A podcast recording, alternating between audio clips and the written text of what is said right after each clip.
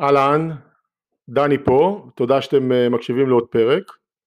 פרק הזה, מקווה שלא יפגע באף אחד, הוא קצת אה, כעוס או טיפה מעביר ביקורת על אה, נושא של אה, השוואה בין אה, נכסים צמודי קרקע ובתי דירות.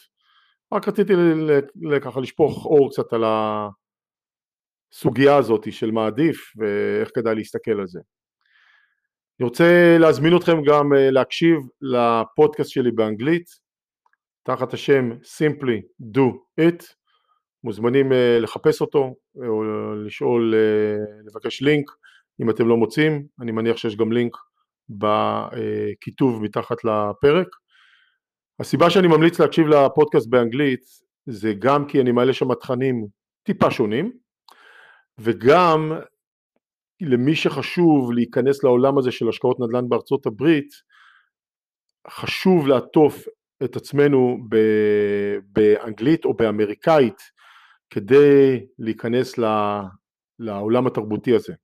וכשמקשיבים לפודקאסט באנגלית, קולטים מינוחים והסברים ודקויות וניואנסים שעוברים בצורה קצת אחרת כשאנחנו מדברים, מדברים באנגלית או באמריקאית ולא בעברית. תהנו מהפרק ולהשתמע.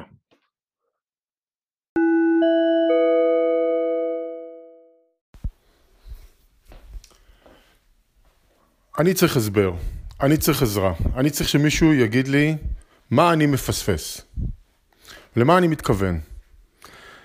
אני מתכוון להשוואה שתמיד אה, עושים כשמנסים להציג טיעון למה לקנות בבניין דירות של כמה דירות זה יותר טוב מבית פרטי.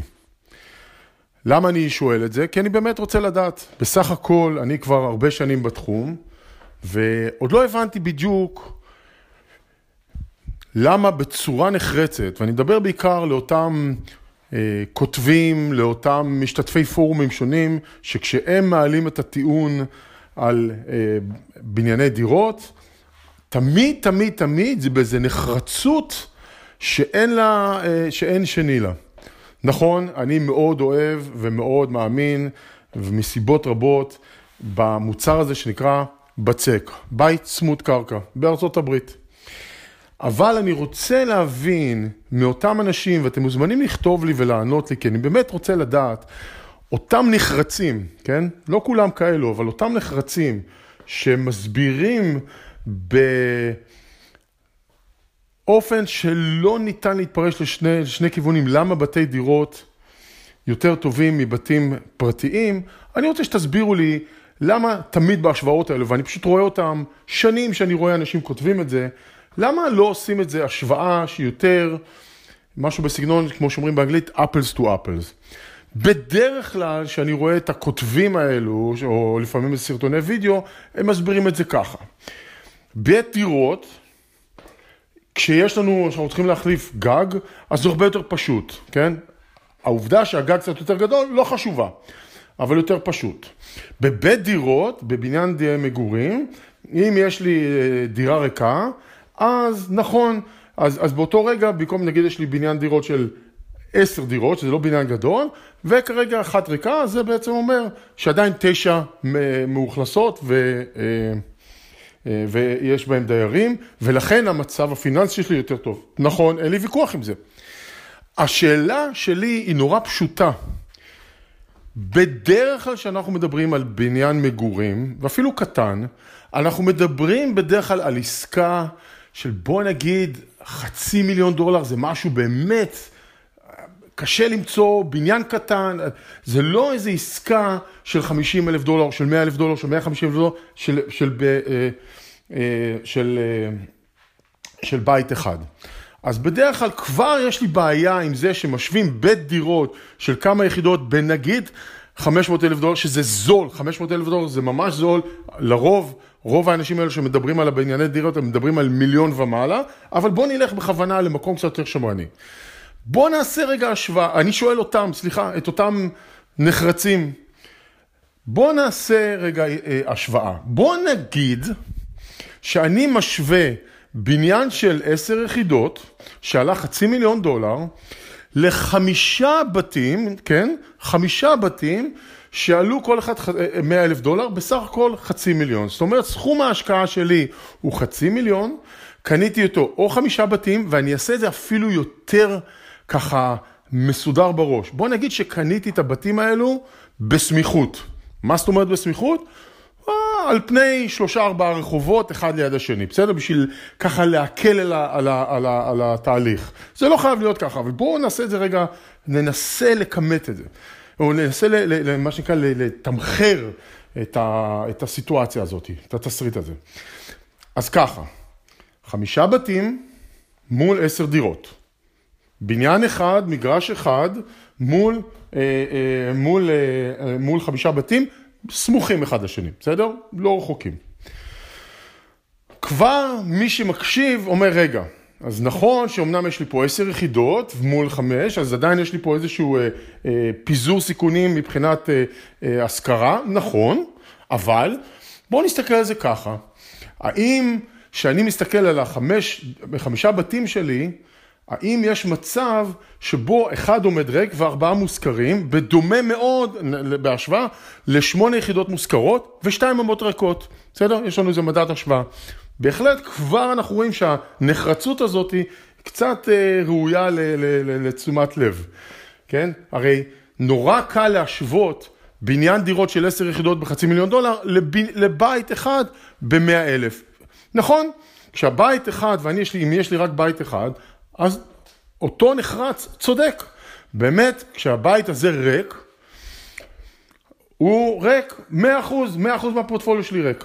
באותה מידה, שאם יש לי עשר דירות, וכולם עומדות כרגע ריקות מסיבה כזו או אחרת, אז גם אז יש לי 100% vacancy, מה שנקרא. אבל, במציאות בטח נכון להשוות חמישה בתים, או עשרה בתים אפילו, לעשר יחידות, שיכולים להתנהג בצורה דומה. אז נכון, אני מהמר שאם אני צריך להחליף גגות ל... ל... אה, לחמישה בתים, בטח יעלה יותר מלהחליף את הגג לבניין של עשר, אה, אה, עשר יחידות. לא בטוח, אבל יכול להיות. יש איזשהו efficiency על, ה... על זה שהכל ממוקם במקום אחד. נכון. ומבחינת הניהול, מהניסיון שלי, מנהל נכס, מנהל נכס יכול בקלות לטפל בחמישה או עשרה בתים באותו אזור, אותה עיר, באותה קלות, באותה קלות שחברת ניהול מנהלת את העשר יחידות האלו. ההבדל לא הולך להיות מאוד מאוד גדול מבחינת תשומות הניהול, אולי אפילו העלויות התחזוקה והעלויות הנלוות לנכס הגדול, לבניין, יהיו יותר גבוהות, כי יש יותר שטחים ציבוריים, יש יותר שטחים שהם באחריות האונר, ומאוד ייתכן שחלק, שהעלויות השוטפות אפילו יהיו גבוהות יותר. לא בטוח, זה יכול להיות, אבל בהחלט משהו לחשוב עליו. עכשיו, כל מה שאני אומר זה לכל הנחרצים ולכל מי שמקשיב, נכון, אני, מי שדני הרבה יותר נמשך, אוהב, מהרבה סיבות, ואני יכול לדבר על זה, אני אולי אדבר על זה בפודקאסט אחר, בפרק אחר, את הבתים צמודי קרקע. אבל, בחייאת, כשאתם משווים בית דירות, תשוו אותו לא לנכס, תשוו אותו לכמה נכסים. כי ההתנהגות של בית דירות מבחינת עלות ומבחינת ההתנהלות תהיה יותר דומה למספר נכסים מאשר מאשר אה, אה, לנכס אחד בודד. נכון, כשיש לי נכס בודד והוא עומד ריק, הכל עומד ריק. 100% מהפורטפוליו, או כשיש לי קלקול, זה 100% מהפורטפוליו שלי. אבל האם זה באמת, מה שנקרא, השוואה דומה? האם באמת, לא, האם לא יכול להיות מצב שכל הנכס שלי, הבניין עומד ריק, אה, הבניין שלי עומד ריק? בוודאי שזה יכול לקרות. נכון, סבירות יותר נמוכה, אבל גם אם נעשה השוואה של עשרה בתים מול עשר דירות, בניין אחד מול עשרה בתים שונים, עדיין נראה שיש הקבלות, אה, אה, יש דמיון רב מבחינת הפיזור סיכונים, ונכון, לכל אחד מהאפיקים האלו יהיה יתרונות וחסרונות. לדוגמה, יש כן איזו יעילות אה, נכון שהכל נמצא במקום אחד, או להחליף גג אחד, או, או, או, או, ניגשים לנכס פעם, אני מודה, בהחלט יש לזה איזה סוג, סוג מסוים של יעילות. מצד שני, בדירות בדרך כלל מושך גם קהל אחר מבתים צמודי קרקע. ושלא לדבר על זה שמאוד ייתכן, אה, בית דירות, בדרך כלל השווי שלו משקף את מצבו, את מצב השוק ואת מצב האכלוס, אוקיי? הבית הפרטי, מאוד יכול להיות שבית פרטי, או הרבה פעמים קורה שבית פרטי, מצב האכלוס, זאת אומרת אם הוא מאוכלס על ידי דייר, אפילו יכול להיות מחליש אותו מבחינת שווי, אוקיי?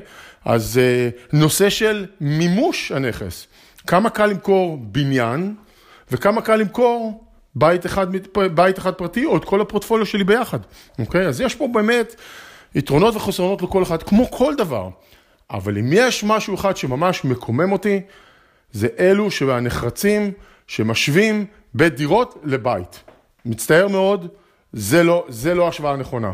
השוואה נכונה, בואו נדבר על מספר בתים מול מספר דירות, וביחד נראה איך הם מתנהלים, והמסקנה שלי היא לא שבתים מנצחים או יותר טובים, המסקנה שלי היא שיש יתרונות וחסרונות לכל אחד מהאפיקים האלו, וכל אחד צריך להחליט מה נכון עבורו.